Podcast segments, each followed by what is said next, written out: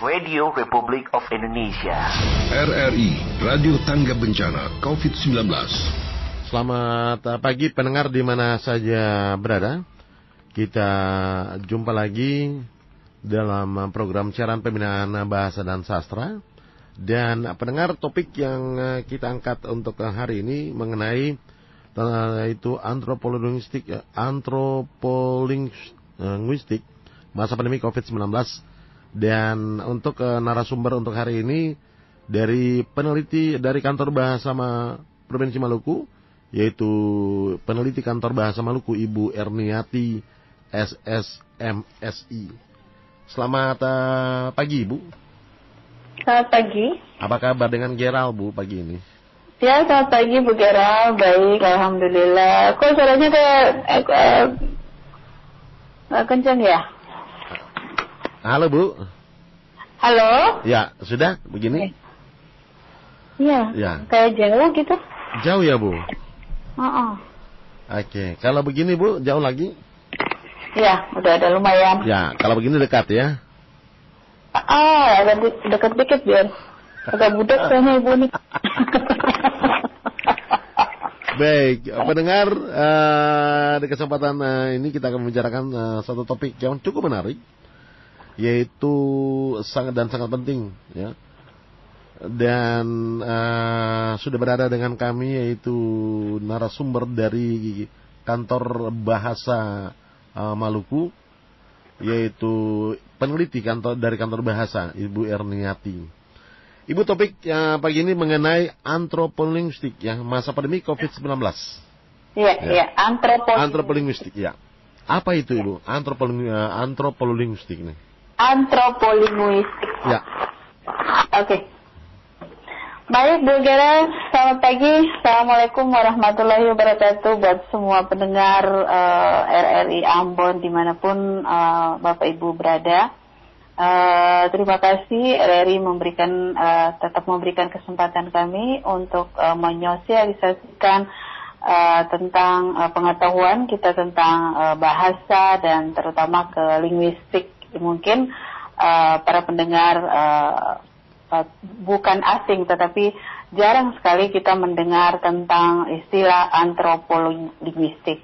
Yang sering kita dengar di akademik pastinya antropologi dengan uh, linguistik. Nah, pada kesempatan ini saya akan membicarakan sedikit tentang uh, apa itu antropolinguistik, uh, bagaimana antropolinguistik dihubungkan dengan konteks pandemi uh, virus uh, yang ada di Indonesia maupun di dunia saat ini.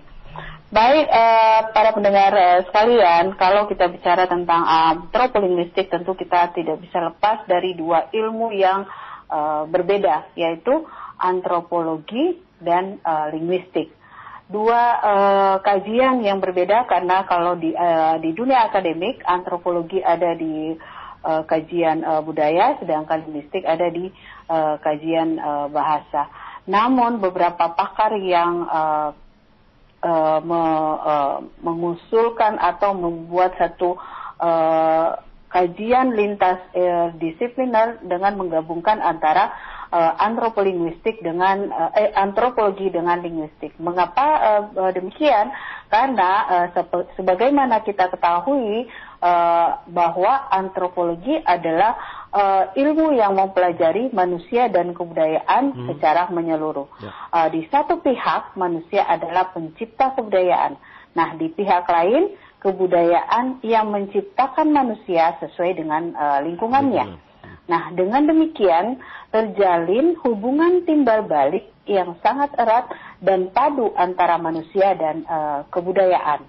Nah, dalam kebudayaan, dalam kebudayaan itu bahasa, tanda kutip bahasa, menduduki tempat yang unik dan sangat terhormat.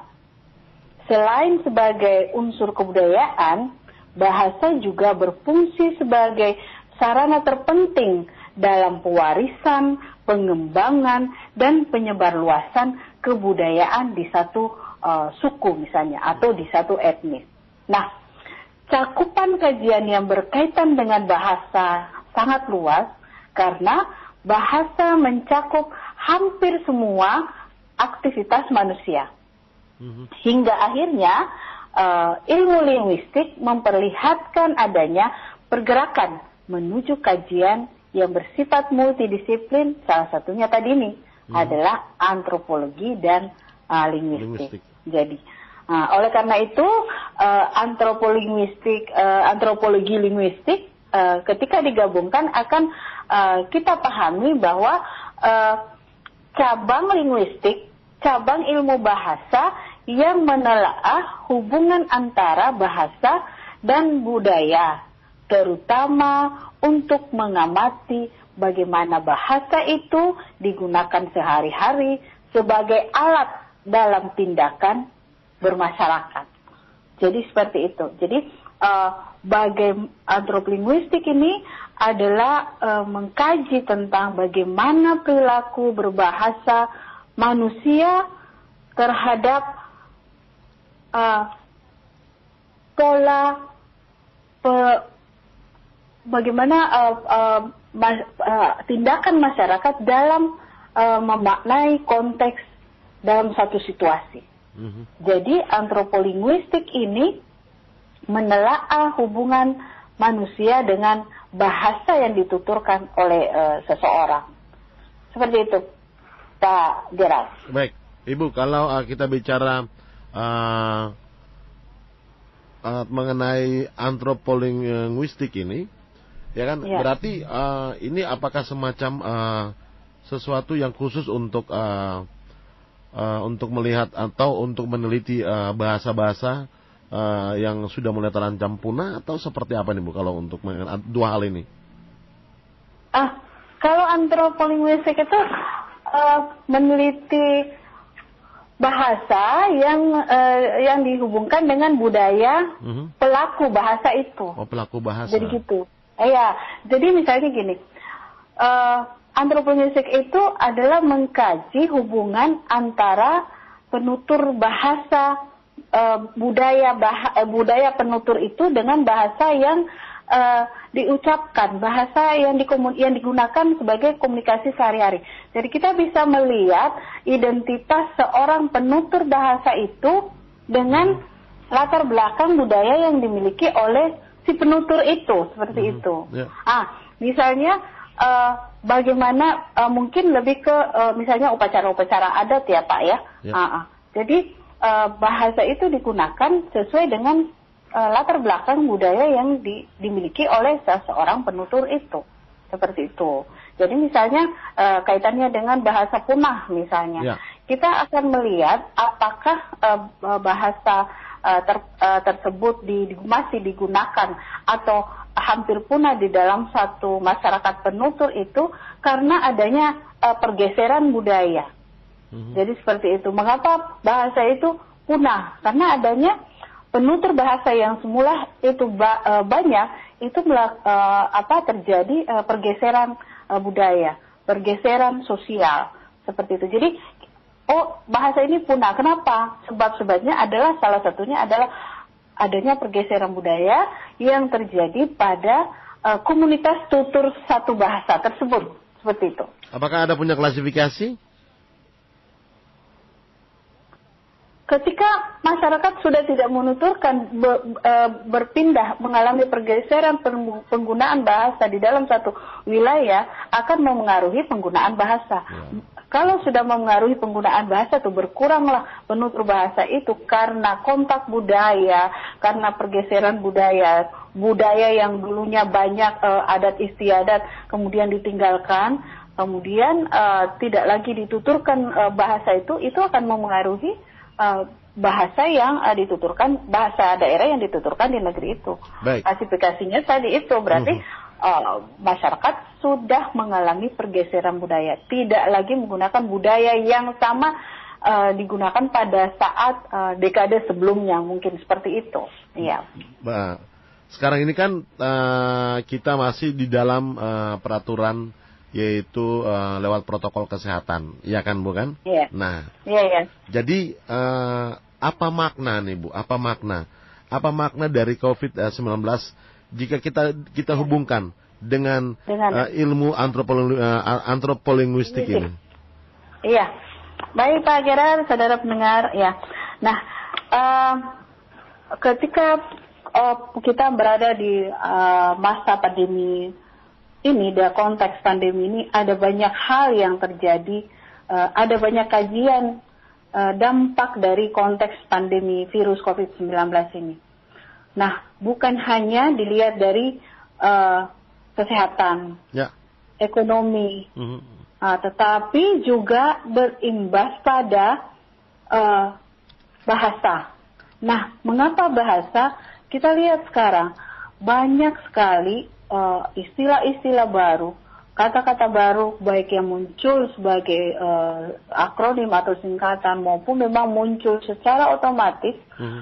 diserap dari bahasa asing maupun dari bahasa Indonesia itu muncul dan itu memaksa masyarakat harus mengerti. Muncul misalnya eh, istilah kesehatan yang pada awalnya istilah kesehatan ini yang ada di bidang kesehatan dipahami oleh eh, orang-orang kesehatan tentunya. Ya. Nah, ketika terjadi uh, kita berada dalam konteks pandemi ini, uh, masyarakat dipaksa untuk semua harus memahami Mhm. apa itu uh, dampaknya ekonominya, seperti apa istilah yang muncul di uh, bidang uh, sosial misalnya, misalnya. Nah, seperti itu. Nah, bagaimana antropologistik melihat gejala itu di dalam uh, masyarakat, Masyarakat. uh, penutur uh, bahasa yang harus uh, secara uh, mau tidak mau harus dipahami seperti itu. Nah, nah untuk uh, jika dihubungkan dengan antropolinguistik, karena, karena uh, tadi saya sudah jelaskan bahwa ketika kita bicara tentang antropolinguistik, berarti kita tentang bicara tentang budaya ya Pak ya, budaya dari seorang penutur untuk memaknai semua istilah yang ada pada uh, uh, yang yang ada pada konteks pandemi ini, baik itu nyata maupun di uh, dunia maya.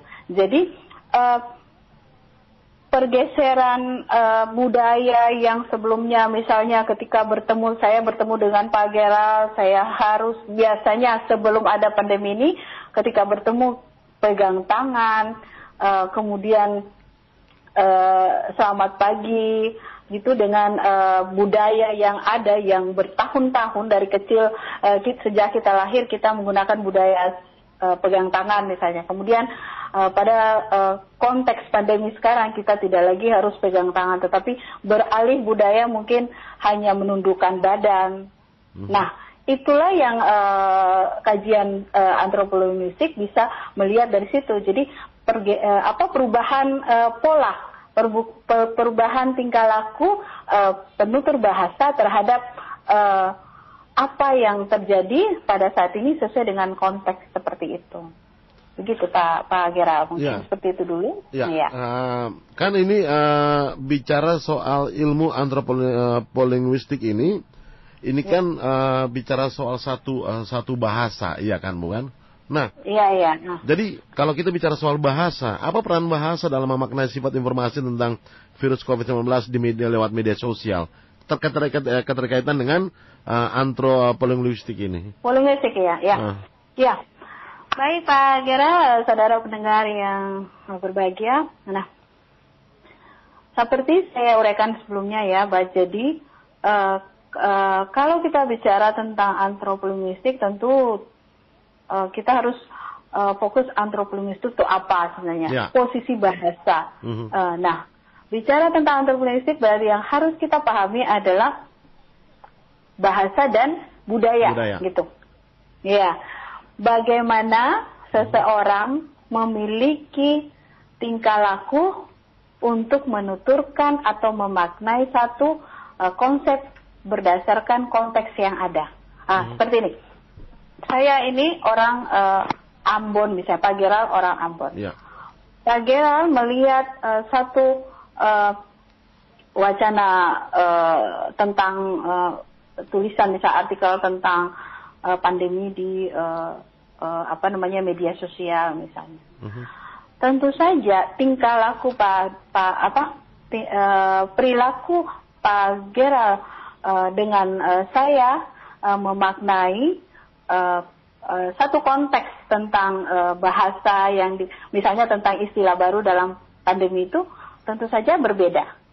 Ya. Eh, satu dipengaruhi eh, ilmu gitu, Nah, ilmu saya misalnya Pak Gera memang belum mengetahui eh, bahwa eh, kajian eh, budaya untuk memaknai itu ti- tidak sampai ke situ.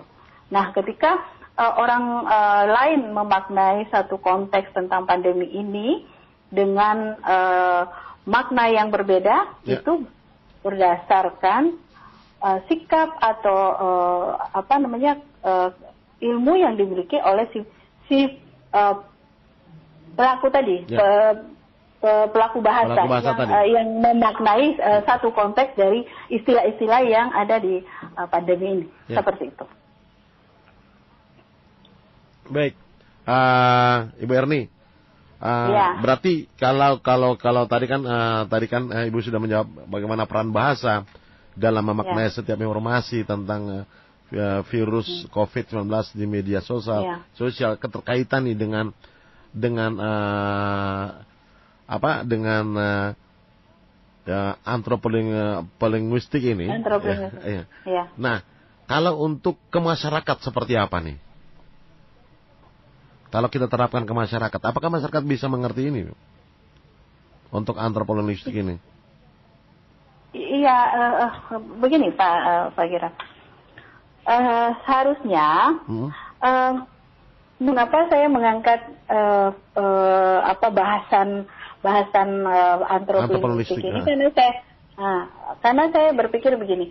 eh, apa yang terjadi, apa yang secara kasat mata, karena saya juga belum melakukan penelitian tentang bagaimana pengaruh budaya secara umum yang saya Ya. lakukan di Ambon ini, tetapi itu tadi yang saya jelaskan bahwa kita melihat fenomena eh, masyarakat sekarang menerima segala eh, terpaksa, dipaksa untuk menerima segala Ya, ya, eh, ya. bentuk asing, ya, bentuk eh, eh, bahasa Hmm. atau istilah-istilah baru eh, yang ada pada yang sesuai dengan konteks yang terjadi sekarang. Hmm. Konteks itu artinya kita ada di dalam situasi eh, pandemi dan bukan hanya bukan hanya istilah apa namanya dampaknya itu bukan hanya tentang eh, kesehatan Ya. yang harus mematuhi protokoler kesehatan, Hmm, hmm. bukan saja dampaknya terhadap ekonomi, ekonomi eh, banyak yang eh, terjadi PHK, kemudian banyak eh, masyarakat Indonesia yang harus kehilangan pekerjaan itu Ya. kan dampak ekonomi.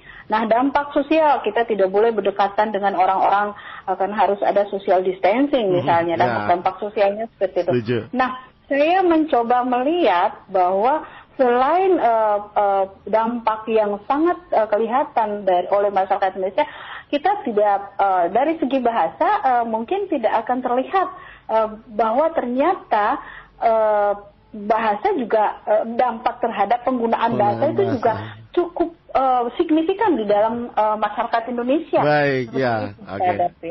Baik. Iya, Ah. karena masyarakat harus dipaksa untuk mengetahui tentang apa makna istilah yang ada pada eh, pandemi, Pandemi, ini. ah. Sebenarnya tidak tahu. Nah, proses pemaknaan itu oleh masyarakat kan berbeda pada Pak Gerar ya. Ya.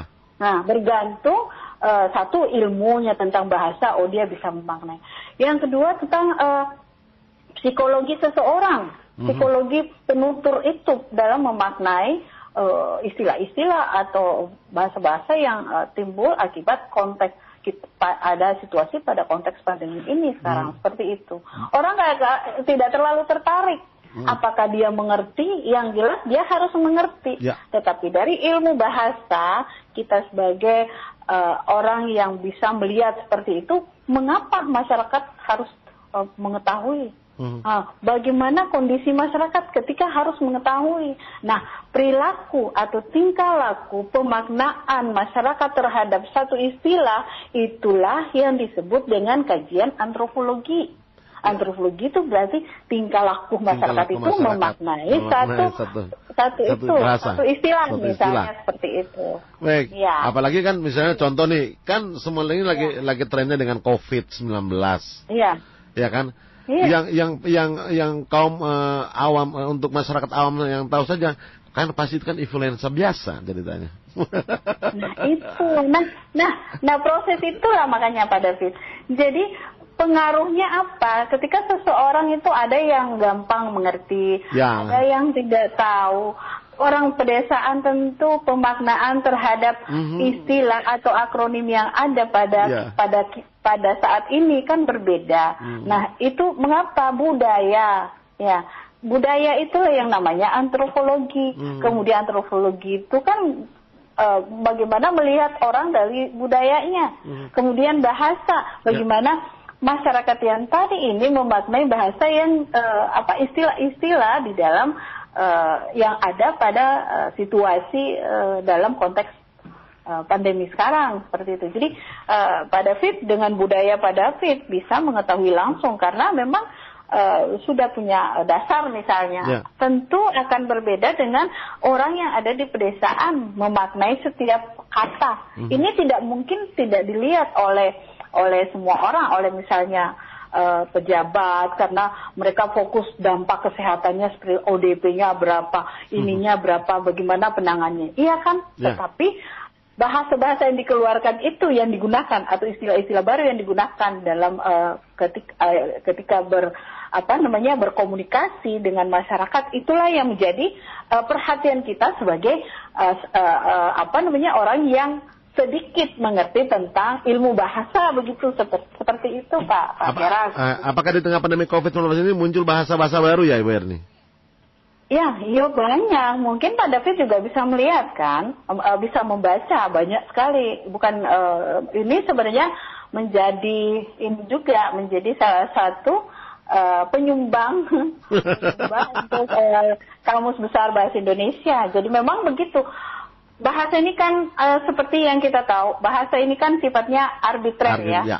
Jadi dia akan berkembang. Hmm. Jadi sifat eh, sifat bahasa ini eh, menurut eh, ahlinya eh, mungkin eh, Pak Gerard itu pernah eh, tahu tentang Abdul Hair Ya. berpendapat bahwa eh, perspektif eh, linguistik atau ilmu bahasa itu eh, ada delapan. Ya. Eh, satu tuh bahas sifat bahasa tuh arbitrer, kemudian konvensional, Ya. kemudian bermakna, kemudian produktif, Mhm. kemudian unik Ya. terus menjadi alat komunikasi, Mhm. dinamis dan ide- merupakan identitas uh, penutur. Mhm. Nah, keadaan sekarang sesuai dengan konteks uh, sifat bahasa yang mana yang ikut andil dalam uh, konteks pandemi ini? Tentu Ya. saja yang tadi arbitrer dan uh, produktif Produk- ya. Produktif. Ah, produktif. Bahasa sekarang produktif.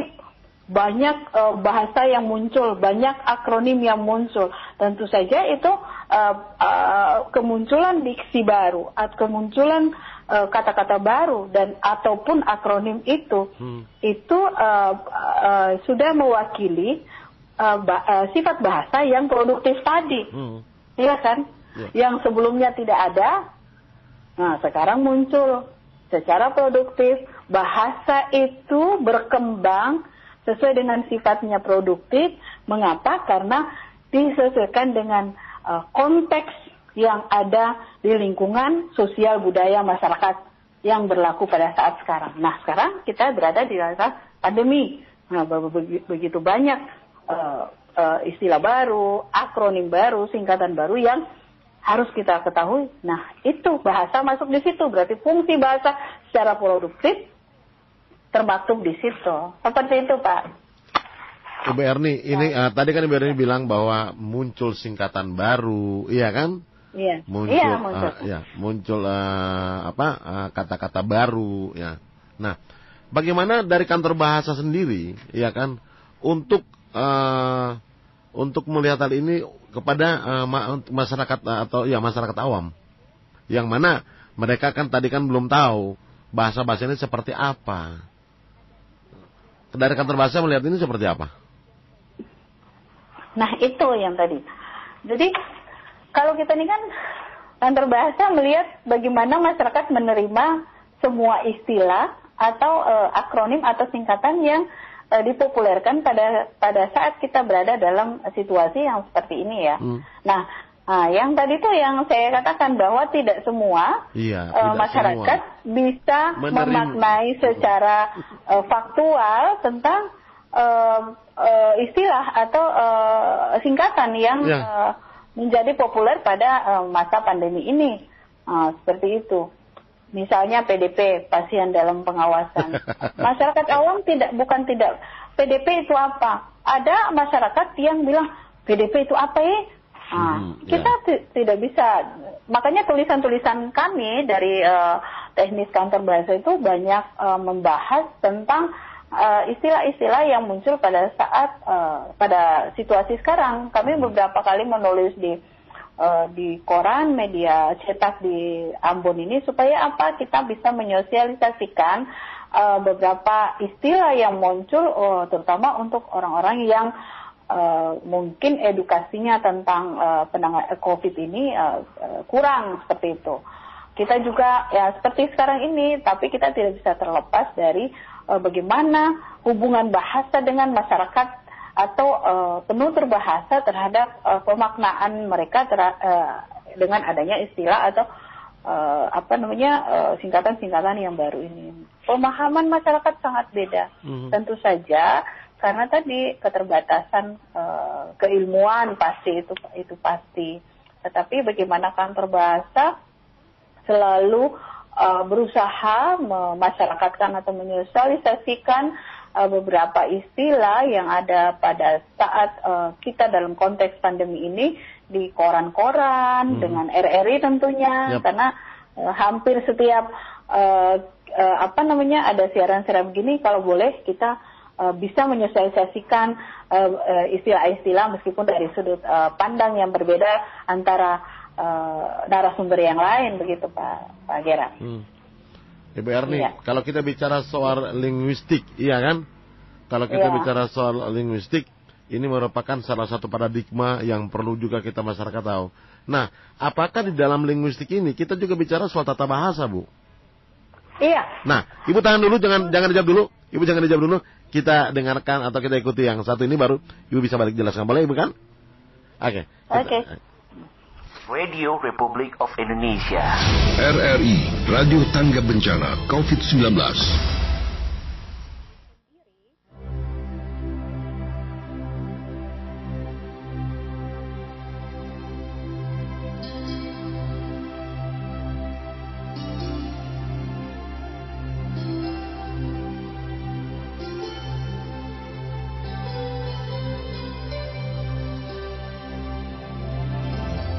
Apa itu tatanan kehidupan baru? Dan apa yang harus dilakukan jika Indonesia menerapkan tatanan kehidupan baru? Menurut psikolog Yuli Budi Rahayu, tatanan kehidupan baru adalah perubahan perilaku untuk tetap menjalankan aktivitas normal, namun dengan tetap menerapkan protokol kesehatan, dengan tujuan untuk mencegah terjadinya penularan COVID-19. Jika tatanan kehidupan baru diterapkan, maka setiap orang nantinya harus mengadopsi perilaku hidup berbeda. Ya, perilaku hidup berbeda. Melakukan perilaku hidup yang berbeda dari biasanya, seperti bekerja dari rumah, menggunakan masker ketika keluar rumah, melakukan social distancing, physical distancing, rajin mencuci tangan menggunakan sabun antiseptik, dan lain sebagainya.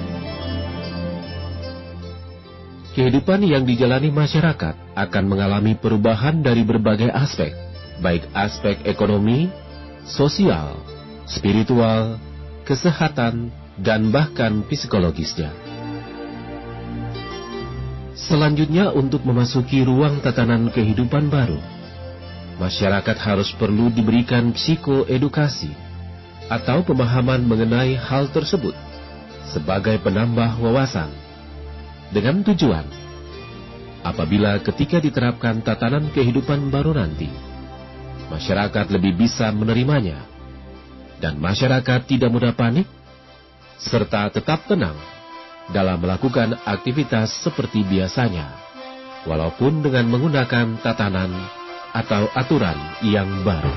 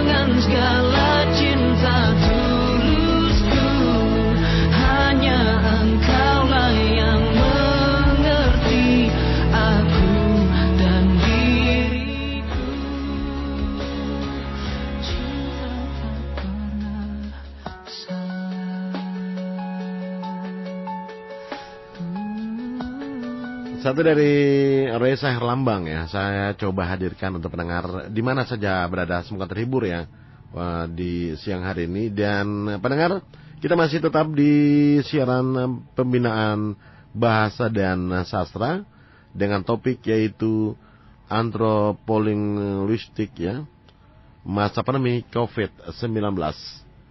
Radio Republic of Indonesia.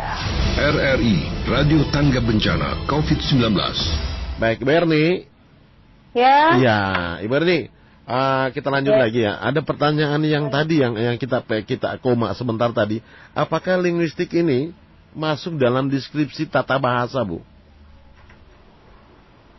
tata bahasa. Ah, gini. Linguistik adalah ilmu bahasa, ilmu yang mempelajari eh, tentang seluk-beluk bahasa mulai dari eh, tataran fonologi. Eh, fonologi itu eh, ilmu yang mempelajari ilmu yang mengkaji tentang fonem-fonem dalam bahasa. Kemudian eh, morfologi, ilmu yang mempelajari tentang proses pembentukan kata, ya setingkat di bawah eh, fon, fo- fonem. Kemudian sintaksis, itu ilmu yang mempelajari eh, tentang eh, kalimat. Nah, kalimat kalimat itu eh, eh, bagaimana proses eh, eh, kata demi kata, kemudian jadi frasa, kemudian eh, menjadi sebuah kalimat dan kemudian semantik ilmu yang mempelajari tentang bagaimana memaknai eh, sebuah kata, eh, eh, kalimat dan eh, susunan kalimat atau yang biasa disebut paragraf. Nah, tata bahasa adalah eh, mulai dari eh, fonologi, morfologi, sintaksis dan semantik. Jadi eh, linguistik adalah ilmu yang pelajari tentang eh, tata bahasa. Ya, jadi tata bahasa itu tataran tata bahasa itu Pak Gerard itu kan tadi ya saya saya bilang bahwa eh, tataran tata bahasa itu mulai dari eh, satuan yang paling terkecil kita Ya. mengenal eh, sebelum menjadi kata ada fonem, Hmm. kemudian fonem digabung jadi kata, kemudian kata digabung lagi, kemudian kata digabung menjadi kalimat, kemudian bagaimana kalimat itu bisa dimaknai, nah itu yang namanya semantik. Nah tahap-tahap itulah yang dinamakan eh, tata bahasa Baik. gitu. Ini hari ini seperti eh, ini satu ma- satu hal yang sangat luar biasa bagi bagi eh, pendengar terkhusus bagi anak-anak eh, sekolahan yang kalau memang lagi mendengar RRI. Iya kan? Iya. Ya. Iya. Dan supaya oh ternyata ilmu bahasa seperti ini kayak eh, gitu. ya. Eh, eh, jadi saya eh, saya jelaskan kembali eh, Eh. di mana posisi eh, antropolinguistik dalam linguistik. Ya. Nah, di linguistik itu kajian linguistik itu ada kajian linguistik murni. Ya. Nah, linguistik murni itulah yang ada yang meng- me- eh, melihat atau mengkaji tentang eh, tata bahasa yang tadi. Mm. Ah, jadi eh, tata bahasa tadi urutan-urutannya. Ya. Kemudian eh, linguistik terapan. Ya. Ah, linguistik terapan ini adalah linguistik eh, interdisipliner yang berhubungan dengan ilmu lain, Pak Gera. Ya. Nah, seperti yang tadi, ada namanya sosiolinguistik, ilmu yang mempelajari tentang perubahan sosial dikaitkan dengan bahasanya. Bahasanya, Ya. Nah, ada eh, psikolinguistik, bagaimana keadaan eh, psikologi seseorang terhadap eh, penggunaan bahasanya. Mhm. Ada etnolinguistik, i- etnografi dengan bahasa. Ada yang terbaru sekarang genolinguistik. Mhm. Jadi eh, ilmu kedokteran genom itu eh, dihubungkan dengan eh, bahasa gitu. Nah, antropologi, Ya. antropolinguistik, linguistik dengan eh, budaya, Budaya. kayak gitu. Jadi eh, budaya bagaimana budaya seseorang eh, kita- kalau kita bicara tentang eh, budaya itu kan sangat luas ya. Ya. Jadi, ketika kita bicara tentang antropolinguistik berarti kita bicara tentang budaya, Budaya. oleh penutur. Penutur, Nah, penutur. budaya ini kan banyak nih, Ya. buda- bu- mu- budayanya banyak. Mhm. Nah, kita menggunakan gestur tubuh berbeda dengan penutur bahasa yang lain itu juga merupakan satu budaya, budaya. orang. Nah, itu masuk antropolinguistik juga. Nah, seperti itu. Baik. Bu Erni. Saya mengucapkan kata eh, dialek saya yang menggunakan ini eh, mungkin saya dipengaruhi oleh budaya saya dari Sulawesi misalnya. Ya. Nah, ketika saya mengucapkan satu konteks atau satu konsep di dalam eh, bahasa. Nah, bahasa bahasa ini merupakan piranti salah satu piranti dari tujuh unsur kebudayaan. Mhm. Karena kita menggunakan bahasa untuk berkomunikasi dengan eh, orang lain. Bahasa merupakan jembatan makna untuk eh, untuk eh, dalam berkomunikasi. Nah, bagaimana eh, perlakuan penutur bahasa tersebut dalam mengungkapkan eh, apa namanya eh, komunikasi verbal maupun non verbal itu eh, eh, bisa dilihat dari budayanya. Jadi apa yang dia eh, apa namanya apa yang menjadi hasil dari komunikasi tersebut atau bahasa yang digunakan atau eh, eh, apa yang apa namanya hasil dari konteks yang terjadi sekarang itu eh, di- dianggap sebagai budaya Baik. budaya yang berpengaruh terhadap eh, bahasa komunikasi Ya. seperti itu. Dan Ya. Bu Erni, ini berarti bahwa keba- eh, keberagaman bahasa dan budaya itu misalnya itu ditunjukkan oleh bagaimana budaya tertentu mendudukan dan mem- memverbalkan eh, dengan yang lain. Berarti keberagaman bahasa dan budaya dalam masyarakat cukup bervariasi dan masyarakat yang satu dengan masyarakat yang lain. Nah, kalau kita soal bicara soal, soal bicara soal budaya dan bahasa, sejauh mana nih Bu pengaruh pergeseran budaya dan ti- da- dalam eh, tindak tutur masyarakat pada era pandemi ini? Ya, Jadi kan eh, tadi sudah dijelas. Kita sekarang bicara tentang konteks sekarang. Konteks Ya. maksudnya eh, keadaan situasi yang ada Ya. sekarang ya. Pergeseran budaya ini, apakah ada pengaruh? Sejauh mana ini pengaruhnya? Iya, tadi itu saya sudah jelaskan bahwa eh, saat ini kita berada dalam eh, eh, berada dalam proses pergeseran Mhm. eh, budaya Budaya. eh, budaya atau tindakan tertentu. Mhm. Nah, tindakan tertentu kan termasuk budaya. Ya. Seperti yang saya contohkan eh, sebelumnya bahwa ketika kita eh, dulunya, ketika kita bertemu dengan seseorang, Mhm. saya ketemu dengan eh, Pak Geral nih, Ya. ketemu di di eh, RRI misalnya. Ya. Ketika bertemu kan minimal kita Bersalaman dulu ya, bersalaman, ya kan? bersalaman ngobrol secara Ngobrol, ya. eh, tidak tel- jaraknya tidak terlalu jauh. Ah, ah. Nah, itu budaya yang yang dulu. Ah, itu budaya yang dulu kan. Saling memandang face to face, ya kan bukan? Iya, Nah, iya. Tapi sekarang sudah dibatasi dengan masker eh, gitu. Iya, sekarang ketemu dengan sesama eh, perempuan misalnya dengan Bu Vera, saya ketemu ya cipika-cipiki. Nah, itu budaya yang sebelum ada konteks pandemi sekarang Iya. kan berlakunya seperti Ah. itu. Nah, seperti itu. Nah, budaya yang itu sekarang dalam masa pandemi itu eh, terjadi pergeseran. Kita tidak boleh lagi eh, melakukan aktivitas kebudayaan yang sama seperti dulu. Mhm, Nah, kenapa ada pergeseran? Karena situasi mhm, situasi kondisi yang ada sekarang. mhm. Nah, bagaimana memaknai eh, arti dari eh, apa namanya perlakuan budaya itu?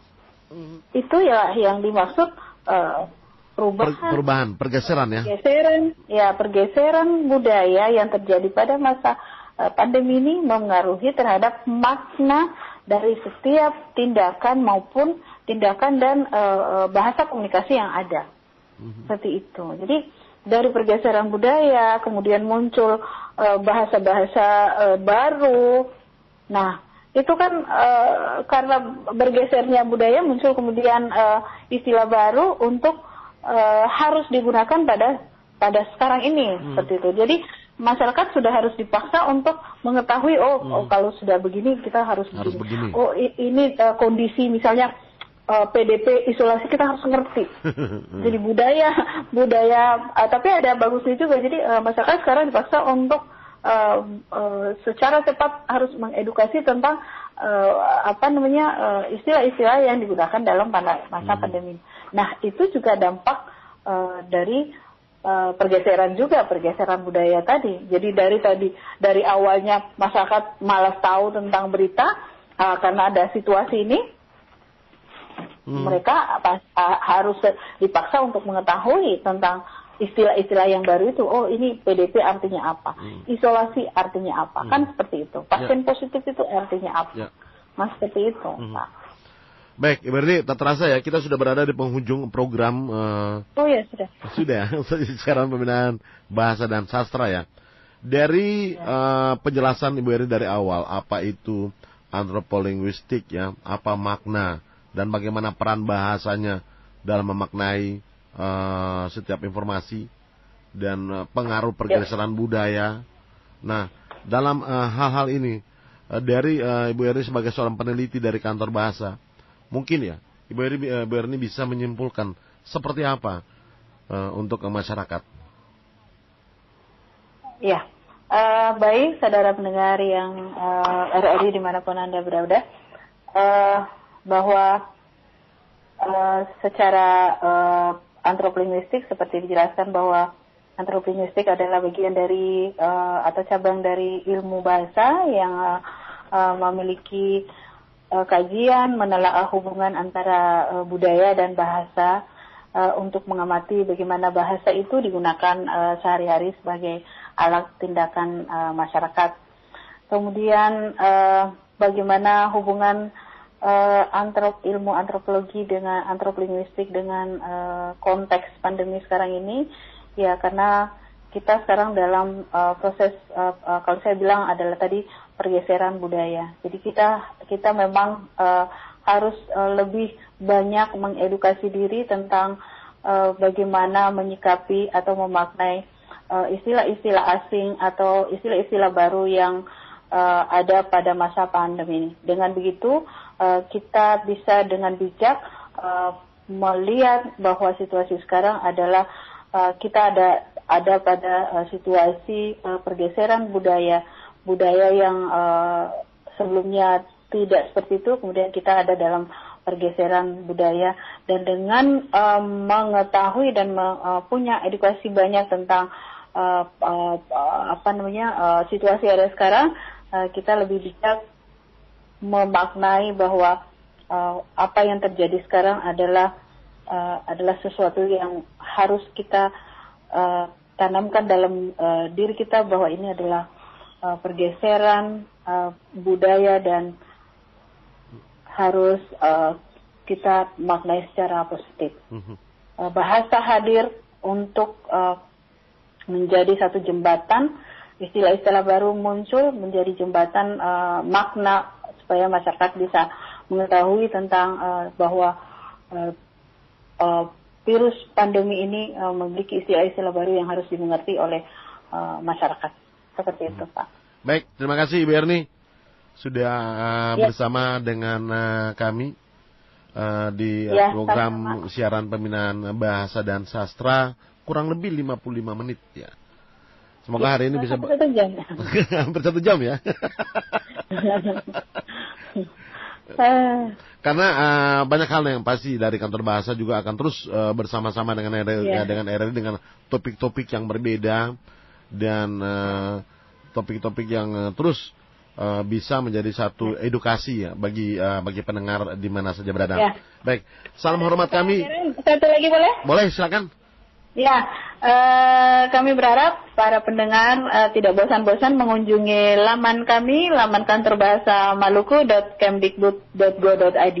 Jadi segala hal yang berhubungan dengan istilah-istilah baru atau eh, akronim baru yang muncul pada saat eh, eh, kita dalam konteks pandemi ini eh, bisa menjadi acuan mungkin bisa menambah wawasan kita terhadap eh, memaknai sebuah istilah yang ditawarkan oleh eh, pandemi sekarang ini. Mhm. Jangan bosan-bosan ya Pak David mengunjungi laman kan seperti itu.